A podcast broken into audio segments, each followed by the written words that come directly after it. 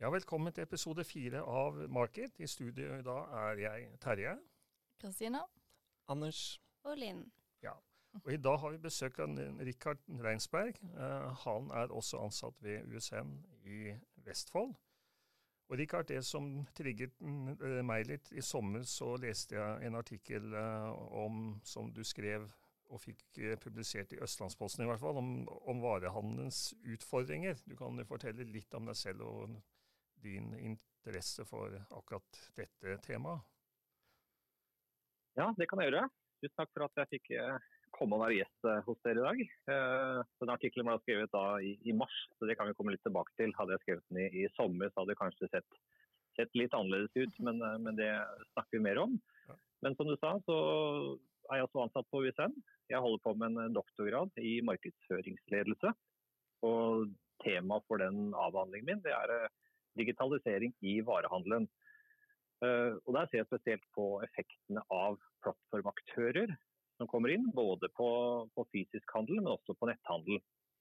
Så Hvis vi på en måte skulle skru det litt, så ville den, den tabloide tittelen være sånn Hva skjer når Amazon kommer til Norge? Som, som det jo er en viss, uh, viss interesse for om dagen. Nettopp. og og akkurat det kommer vi tilbake til, for det, er, det syns jeg også er veldig spennende å, å følge med på. Da, og vi kommer til å sitte midt oppi det, tenker jeg. Og det blir veldig, veldig spennende. Så, så, før jeg begynte her, så har jeg jobbet mange år i, i næringslivet. Mest innenfor media og digitale tjenester. Eh, både i Orkla Media og i Edda Media. Eh, før jeg bytta konsern over til, til Skipsted. Og, og noen år i VG, og så i konsernstaben til Skipsted. Mm. Og da jobba jeg mye med foretaksstrategi, konsernstrategi, eh, merkevarebygging og digital innovasjon. Jeg har jo også da hatt dette strategikurset deres eh, i tre år. Så mm. da kjenner jeg både innholdet og den prosessbaserte eksamen jeg skal ha gått. Så, så da kan vi prøve å koble litt, litt opp mot den også. Anders her sitter jo midt oppi det mm. og ja, også skriver den i år. Så det, ja. ja vi, vi, hadde jo gleden av å være kollegaer noen år også, vi i Orkla Media, Edda Media, så det var, det var veldig hyggelig. Og lærerikt. Eh, og så er jo varehandelen eh, veldig viktig del av næringslivet. Eh, sysselsetter utrolig mange mennesker. Og det er jo noe av det vi diskuterer også mye i fagene, både markedsføring og strategifag. Så det er jo midt i blinken den kompetansen du har rundt det. Ja. Um, og vi lurer jo litt på da um, hvordan, hvilke utfordringer og muligheter uh, varehandelen har for fremtiden. Vi ser jo bl.a. at Bring um, nå melder at de har 40-50 vekst i levering på nettbasert uh, handel. Um, så hva tenker du blir liksom de store utfordringene og mulighetene for fremtiden? Nei, så, som, som, du sa, så er jo da det er greit utgangspunkt å starte på varehandelen, som er som du sier, er en viktig del av, av næringslivet i Norge. Uh, og det utgjør faktisk 16 eh, av de sysselsatte. Eh, og hvis vi tar med de som er rundt varehandelen, så transport, logistikk og, og annen type servicenæring, så, så nærmer vi oss en tredel av de sysselsatte i Norge. Så Det er eh, kjempeviktig for oss å, å, å ha fokus på den, den delen av, av, virksomheten i Norge. Og Spesielt er det viktig da, i den sørøstregionen som, som USN har nedslagsfeltet i hvor det er på en måte høyere andel enn en landet for øvrig. Men, uh, men, som du sier, Anders, det er både eh, utfordringer og, og muligheter her. Uh, generelt sett så er det jo en, sterk vekst i netthandelen. Uh, Virka SSB rapporterte nå at det var 31,9% vekst første halvår. og Det er på en måte fra januar og fram til, til og med juni. og det er en veldig sterk vekst, og vi har god fart i, i mange ulike varekategorier. Men det er klart, vi er ikke, langt, vi er ikke lengst fremme i verden på, uh, på utvikling av varehandel og netthandel. Uh, men det er en, en, veldig sterk underliggende vekst. Uh, jeg husker selv om Bring og Posten mellomstor vekst, så, så, hadde de også en veldig sterk vekst før, før covid-19. Når jeg gikk på butikken da, i, i februar-mars, så var det sånn Black Friday-stemning. Det var et enormt volum. Så det er ikke bare en sånn koronaeffekt her, men vi hadde en underliggende vekst som var, var veldig sterk. Så det er liksom greit å tenke på at, eh, at starten på året var veldig, veldig bra. Men, men, du sier at vi er ikke lengst fremme i verden på netthandel. Eh, men vi er jo blant de mest digitaliserte landene i verden. Eh, hvorfor er vi ikke da liksom Hvorfor er det ikke noen sammenheng direkte der? Burde ikke vi være lengst framme på netthandel også? Vi ligger jo ganske langt bak. Føler jeg. Nei, det er jo det som er litt, litt, interessant. at Vi kunne gjerne tenkt oss at vi var, uh, var det. Uh, men vi er jo det vi kaller sånn, på fagspråket litt i ekspansjonsfasen i forhold til på penetrasjon av, av e-handel. Selv om vi da har en, en, på en måte høy Alle har tilgang til internett og, og vi er relativt digitalisert, så, så er, har vi ikke har ikke det gitt seg siden i transformasjonen av, av, handelen eh, i like stor grad som vi er i sånn god samling med andre nordiske aktører. Men Tyskland ligger litt foran oss, USA litt foran på, på noen områder. Mens med de som virkelig har eh, ligger et hestehode foran, det er jo i Asia. Så det er, eh, det er Kina, det er Sør-Korea. Ja, hvor det ser helt, helt annerledes ut. Ja. Ja, og Da er vi inne på det med digitalisering eh, også. ikke sant? At, og det har vi snakket mye om her i podkasten tidligere også, eh, med andre gjester. Og det Og eh, de, altså de fleste mener jo at digitalisering vil påvirke varehandelen i veldig stor grad. og eh, Er det en trussel eller mulighet, eller begge deler, eller hvordan skal butikkene forholde seg til det? Hvis man tenker, så er dette, dette er en mulighet, og det er en mulighet for alle. Eh, og så er det litt den gamle eh, sayingen 'change or die', som, som ligger ja, ikke sant? litt til grunn her. Så, og det var også den eh, eh, utgangspunktet for den artikkelen jeg skrev også. Eh, for varehandelen nå er jo en bransje som nettopp er i en stor transformasjon. Mm. Eh, på samme måte som media var for noen år tilbake. Eh, mm. musikk og film har jo vært der enda for en tid siden. og nå er det varehandel som står midt i det store skiftet. Eh, vi som jobber innenfor utdanningsinstitusjonene, høyere utdanning, det på en måte står også i et stort digitalt skifte. Eh, og neste store sektoren som kommer, det er helsesektoren. Hvor det er et enormt potensial for å, for å digitalisere og transformere det. Mm. Men, eh, men utgangspunktet var jo da at det er en mulighet nå da, for alle til å kunne endre seg. Og da som en retailer så må man få til å ta grep nå, mens man enda har tid før det går for langt. Mm. Har du noen tips til hvordan de kan gjøre det? En gang til, jeg hørte litt dårlig. Har du noen tips til hvordan de kan gjøre det? Hvordan kan butikkene liksom adaptere seg ja, til den endringen her, da? Ikke sant? Og Da kommer vi litt tilbake til hva, hva handler digitalisering om da, og, og, i denne bransjen. Og Det er jo utrolig mye. da. Fra sånn helt enkle faktiske grep til at man løfter det på mer strategisk og, og helhetlig. Så på en måte en helhetlig tankegang rundt, rundt, det er det du kaller en sømløs omnikanal handleopplevelse. Hvor, hvor det helt, uh, flyter helt fritt mellom nett og butikk. Uh, og alle typer kundeinteraksjoner du har, er, er veldig tett knytta sammen. Uh, men til det helt enkle bare å bruke sosiale medier for markedsføring og for, for kundekontakt. og da er det på en måte sånn at eh, alt er jo bedre enn ingenting, eh, men det ligger en stor mulighet for, for de fleste. Og så er det uh, masse ulike tjenester som man kan benytte. Så det er ikke så veldig vanskelig å komme i gang. Så det er bare det å sette opp en nettbutikk. Det kan vi gjøre på en ettermiddag. Uh, og det så vi i mars uh, når vi skrev artikkelen, at da, da, var det full stans i, i fysisk varehandel. Men da var det flere som da kasta seg rundt og satte opp en eller annen digital løsning, eller vridde om på forretningsmodellen sin. Et eksempel er hjemlevering, som sentrumsaktører da gikk sammen gjerne med Handelsforeningen. Var organisert en eller annen adhocløsning for, for, levering hjem på døra. For I Harstad så har vi et godt eksempel på det, hvor de brukte en lokal transportør. Sønsberg gikk sammen med, med Handelsforeningen. Eh, I Skien så tok de det enda et skritt lenger og etablerte noe som heter Hele Skien. Det var en mm. netthandelsportal for butikkene.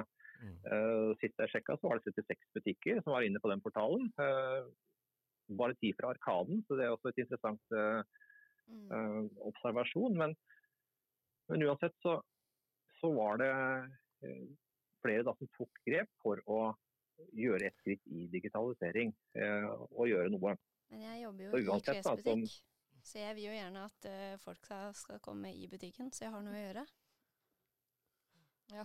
Hvordan skal jeg få de til å komme til butikken? Da kan jeg jo ikke drive og levere hjem. En gang til, unnskyld. Jeg hører veldig dårlig hva, oh, ja. hva dere andre sier. jeg jobber i klesbutikk for Jack and Jones, og jeg vil jo gjerne ha kunder i butikk. Det, og det er jo ingenting som kan måle seg med en uh, suveren kundeopplevelse, uh, service i butikk, fysisk face to face. Så hvordan skal jeg få folk til å komme til butikken? Nei, det er jo et viktig, eh, viktig moment at det, som du beskriver det, så er det en, en, en konkurransefordel, noe som, som, du ser på som viktig. Uh, sikkert av flere årsaker. Uh, men da er det viktig at man bruker de digitale verktøyene og arenaene for å etablere den kundekontakten gjerne lenge før de kommer inn i butikken. Absolutt. Så det både kan være Det er ikke bare en reklamekanal for å annonsere på tilbud, eller for å bygge en, bygge en kundeklubb, men, men, for å fange opp både interesser, eh, hva folk er opptatt av, kunne svare på det. og og også da synliggjøre de aktivitetene man gjør, gjør, i butikk, men også ettertid. ikke sant? At man etter man har gjort et salg, at da er ikke kunden sluppet. Sånn at du, du prøver å få et mer langsiktig perspektiv eh, på det. Du følger og, opp kunden og får et forhold til, liksom, mm. til kunden, da? Noe mer enn bare den vanlige, vanlige handelen. Ja. ja. Smart. Mm. Men eh, han, eh, gjesten vi hadde for en par episoder siden, Kristoffer fra Cap Kemeny, nevnte at det er kundeopplevelsen som kommer til å bli den eh, største konkurransefaktoren. Mm. Ja, stemmer det. Ja, det er, det er en av de. Uh, uh, men det som er litt skummelt, er å kun da fokusere på den kundeopplevelsen. Uh, hvis man ikke leverer på de andre parameterne som er viktige for, for kjøp. Og det er litt skummelt. Men det er klart det er jo kundeopplevelsen. Og det å da ha den lokale kjennskapen, møte de lokale behovene på en god måte, det er definitivt en konkurransefordel. Og, og kanskje her også vi har sjansen for å for å hevde oss i konkurransen eh, med andre. Mm. mm. Så, men uansett, så det som er viktig, er jo da eh, om man da handler med nettbutikk eller, eller, digital kommunikasjon, eller du skal hente inn kundeinnsikt, eller du skal bygge en, en kundeklubb, så, så, er det aktiviteter som krever ekstra ressurser. Eh, og mange varehandelsvirksomheter er jo ikke rigga for det. Så da må man finne ut at har vi ressurser eh, selv i selskapet, har vi kompetanse, har vi kunnskapen om det? Og hvis ikke, hvordan kan vi skaffe oss det? Eh, skal vi skaffe oss de ressursene alene eh, og kjøpe de, eller eh, og utvikle de selv, eller skal vi gå i partnerskap med andre, sånn som da hele Skien er et, et, eksempel på. Mm. mm. Ja. For Det har jo vært oppslag i media at det er økt grad av tomme lokaler på kjøpesentre. Og tidligere har det jo faktisk vært kø for å komme inn på de største sentrene. Så tror du det her er på en måte en trend da, som vil bare fortsette, eller og vil det kunne påvirke miksen av butikker? Her er jo definitivt eh, endringer som, eh, som det peker på. Med, med tomme lokaler, og, og, som er i stor kontrast fra tidligere. Og da knytter det litt sånn tilbake til vi, det vi akkurat snakka om med, med, kundeopplevelsen. For det har jo vært en trend i, i retail en ganske god stund på en måte mot dette experience-konseptet. Så ha gode handleopplevelser. Uh, og Da er det på en måte hva består da den handleopplevelsen i. Uh, og Da har man tenkt da en, en miks av butikker, restauranter og servicetilbud. Hvor uh, man ser på kjøpesenteret nå at det er en vridning mot flere restauranter, flere typer av servicetilbud. Mm. for å prøve å, å, møte det. Men så ser vi da på tallene nå første, første, halvår, så har jo kjøpesenteret hatt nedgang i omsetning. Og det er rundt 5% nedgang første halvår, mens øvrig varehandel, øvrige butikker, har hatt vekst. Men... Uh, en forklaring er jo klær og sko og servering som har større, større nedgang. Eh, og de er på en måte over, overrepresentert på, på kjøpesentrene. Men altså 5% nedgang er jo ganske mye? Det er, er veldig mye. De henta seg litt inn i løpet av sommeren. Eh, så det ender kanskje på sånn 1-2% i første halvår sett eh, eller inn, inn nå mot andre halvår. Men, men, men, det var ganske kraftig, kraftig nedgang. Mm. Men så ser vi nå på en måte noen er jo enten av kjøpesentrene eller aktørene som måte prøver å, å vri på det. ugjerne. et eksempel nå. De flytter butikker fra eh, sånne handelsområder, gjerne litt på utsiden av sentrum, flytter inn i kjøpesentrene. Ja. Eh, og tar det nye butikkonseptet sitt eh, inn der. Eh, det var andre aktører som Tesla, da, som eh, endrer forretningsmodellen sin fra å ha store, store bilforhandlere utenfor byen, til å ha et showroom hvor de bare viser fram bilmodellen og, selger dette på nett. Ja. Så dette måte se, bli inspirert og kanskje få levert det hjem, er en, på en måte en vridning rundt, rundt det. Eh, Klasse Olsson eh, har også da vridd på konseptet sitt fra å være varesalg til å gå mye mer mot råd og veiledning og et utvida servicekonsept. Og de lykkes jo veldig bra med den strategien.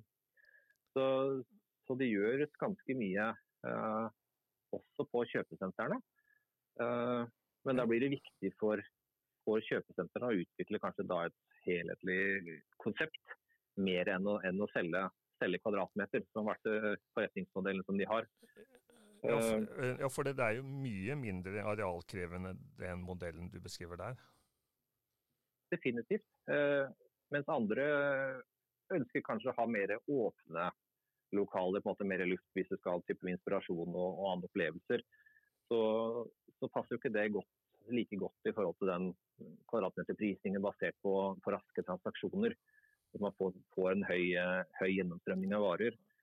Uh, men så er det på en måte motsatt side. Så har det da uh, vært veldig mye fokus på opplevelser, experience.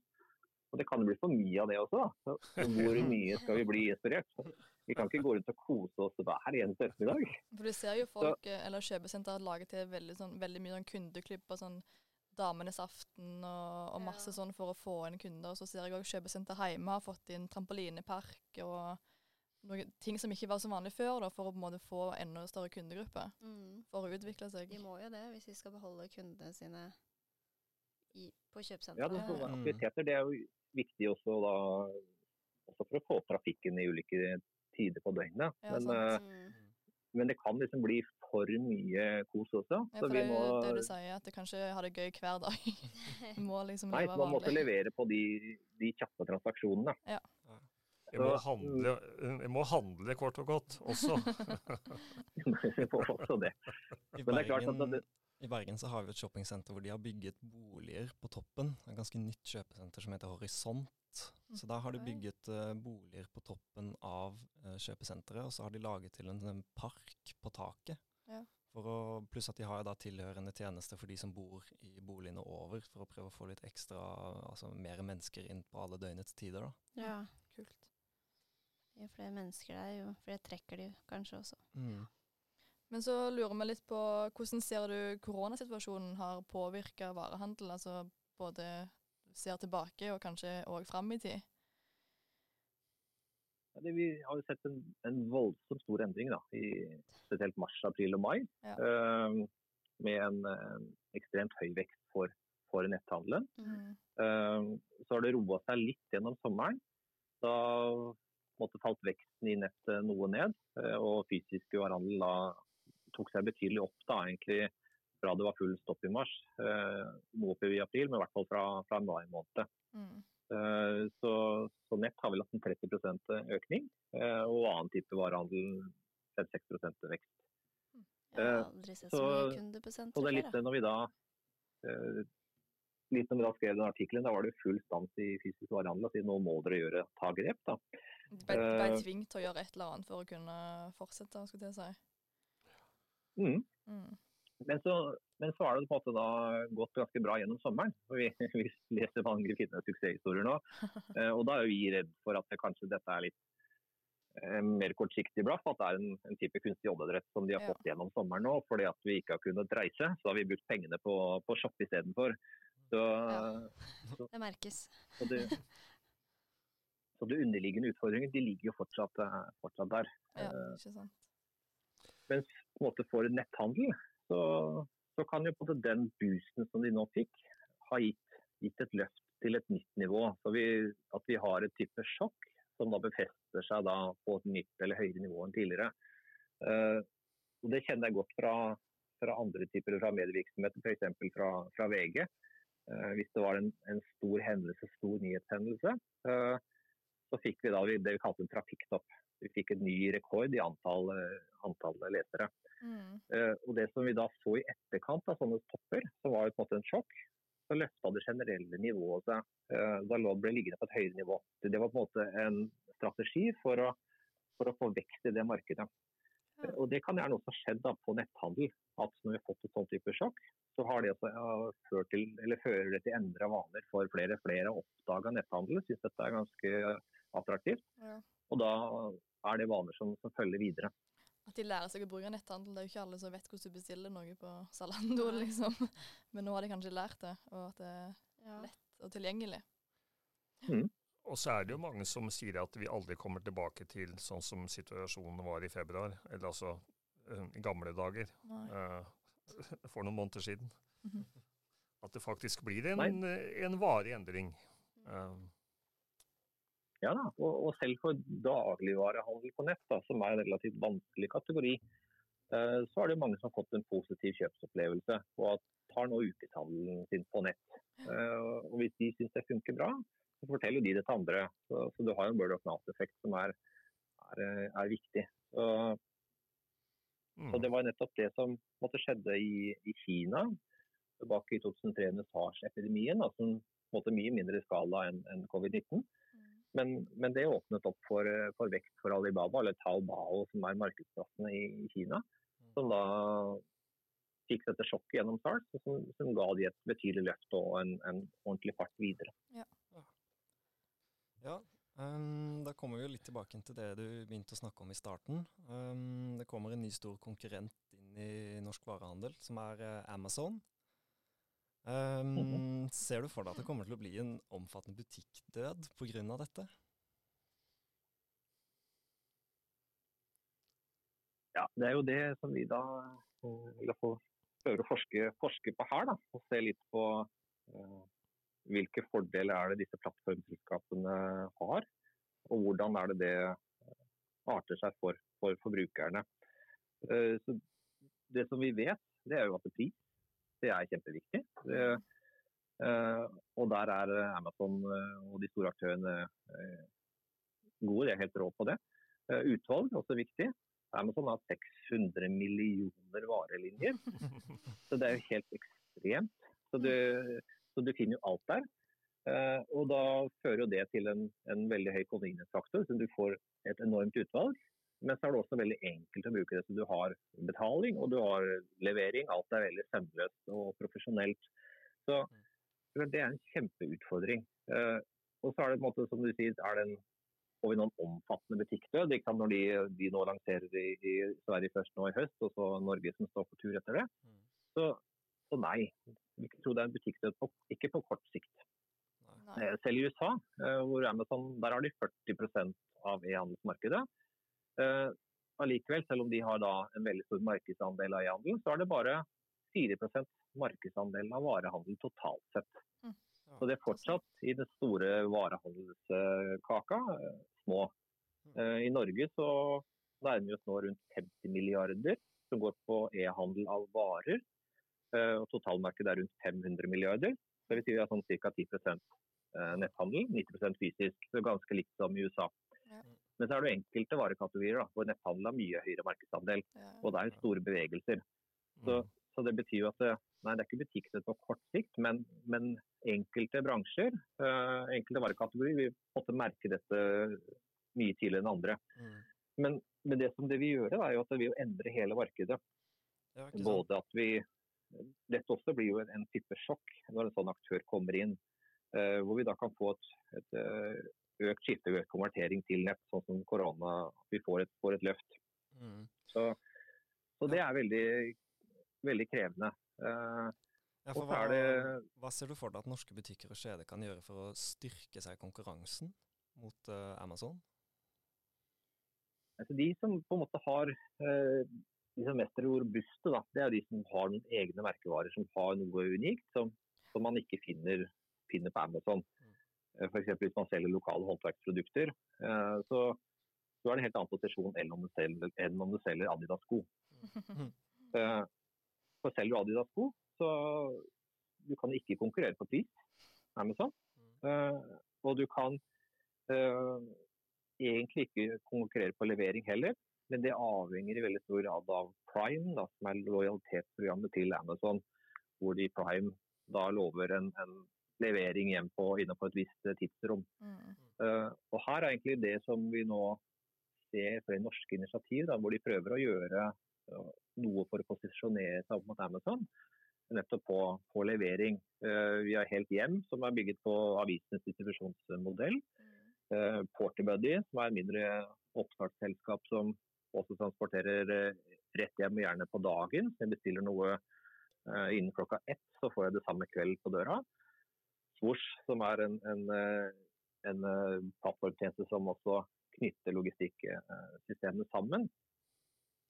Prøver å, å posisjonere seg opp mot Amazon sin, sin levering. Uh, og garanti rundt det. Hvis de da lanserer med Prime, så, så vil det endre spillereglene i, i Norge. Og da koker det ned litt til sånn, hvor mye vil Amazon subsidiere leveringskostnadene. For at den eh, last mile-distribusjonen det koster veldig mye i Norge. Så, og det er kostbart da også for Amazon å, å sende pakker eh, gratis hjem med Prime. Men, men spørsmålet er sånn, hvor mange millioner vil de da, eller milliarder vil de subsidiere eh, norske marked for å ta markedsandelene. Så Det vet vi jo ikke ting om. Men eh, det handler om hvor, hvor mye er de villige, hvor, mye, hvor lyst har de på å ta norske markedet. Eh, Ja, vi vet, her er det jo Eh, ja, vi vet jo fra avisdistribusjon Richard, at eh, det er kostbart å levere rundt i hver husstand. Det, vi bor ganske spredt og er bare litt over fem millioner mennesker. Så ja. så er det da ikke sånn de eksisterende logistikkaktørene, om det er PostNord eller Posten, de har jo kjempestore kostnader knytta til de sentrene som de har, logistikksentralene. For de er bygga rundt en butikkmodell. Hvor man har sentrale lagre, store lastebiler, frakter store volum ut, til- ut til enkelte butikker. Og Det blir en flaskehals når volumet per sending er mye mindre, sånn som vi har i netthandel. Mhm. Så Hvis jeg bestiller en pakke i Sandefjord, så går den via Oslo, tilbake til Stokke, som ligger litt, litt på utsida av Tønsberg, og så inn til Tønsberg. Ja. I tillegg så stenger de da ned butikken sin da, fredag klokka tre, og var ikke i gang igjen før på mandag morgen. I mellomtida så kunne jeg da bestilt samme vare fra USA til lavere pris. og Det ville vært framme i Tønsberg før den varen jeg får fra Sandefjord, som bare er tre-fire mil unna. Ja. Eh, Så det er jo betydelig potensial for, for å forbedre seg her. Mm. UPS har starta levering i lørdager, på lørdager i Europa. eh, Og her må vi bare holde levering oppe alle syv dager i sånn fleksibel ordning for å vinne den, den konkurransen. Så, så det er på en måte ett et aspekt. At der må man jo eh, innovere og gjøre det mye bedre. Eh, andre ting så kan jo eh, kjedene for eksempel, de kan jo bruke butikkene som det vi kaller framskutte lagre. Så Mm. tenker jeg at vi skal ha lagerbeholdning på tvers. Hvis jeg går inn på Jernia og skal kjøpe en grill, så behøver vi på Jernia alle modellene av Weber inne eh, på lager. Så vi kan si at uh, dette er utvalget, men den grillen står ikke her, den står i Sandefjord. Men den sender vi hjem, den kan du få hjem i ettermiddag. Mm. Så at man da tenker uh, mye mer helhetlig rundt, rundt hvordan man, man drifter systemene bak i, i, i butikk og lager, lagerstrøm. Og at det fysisk og nett ikke er to forskjellige butikker, men at det er på en måte én, én operasjon. Uh, og Da kommer jeg tilbake til dette med kundeopplevelser igjen. Da, som er, da, Ja. er det en fordel som vi da kan spille på. Og så si at det, vi løser disse tingene.